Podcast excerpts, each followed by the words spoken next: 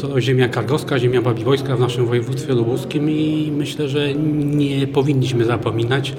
ale starać się właśnie przypominać i działać nie tylko w samym Poznaniu, ale na terenie całej Wielkopolski i nie tylko po to, żeby przypominać o tym zwycięskim powstaniu.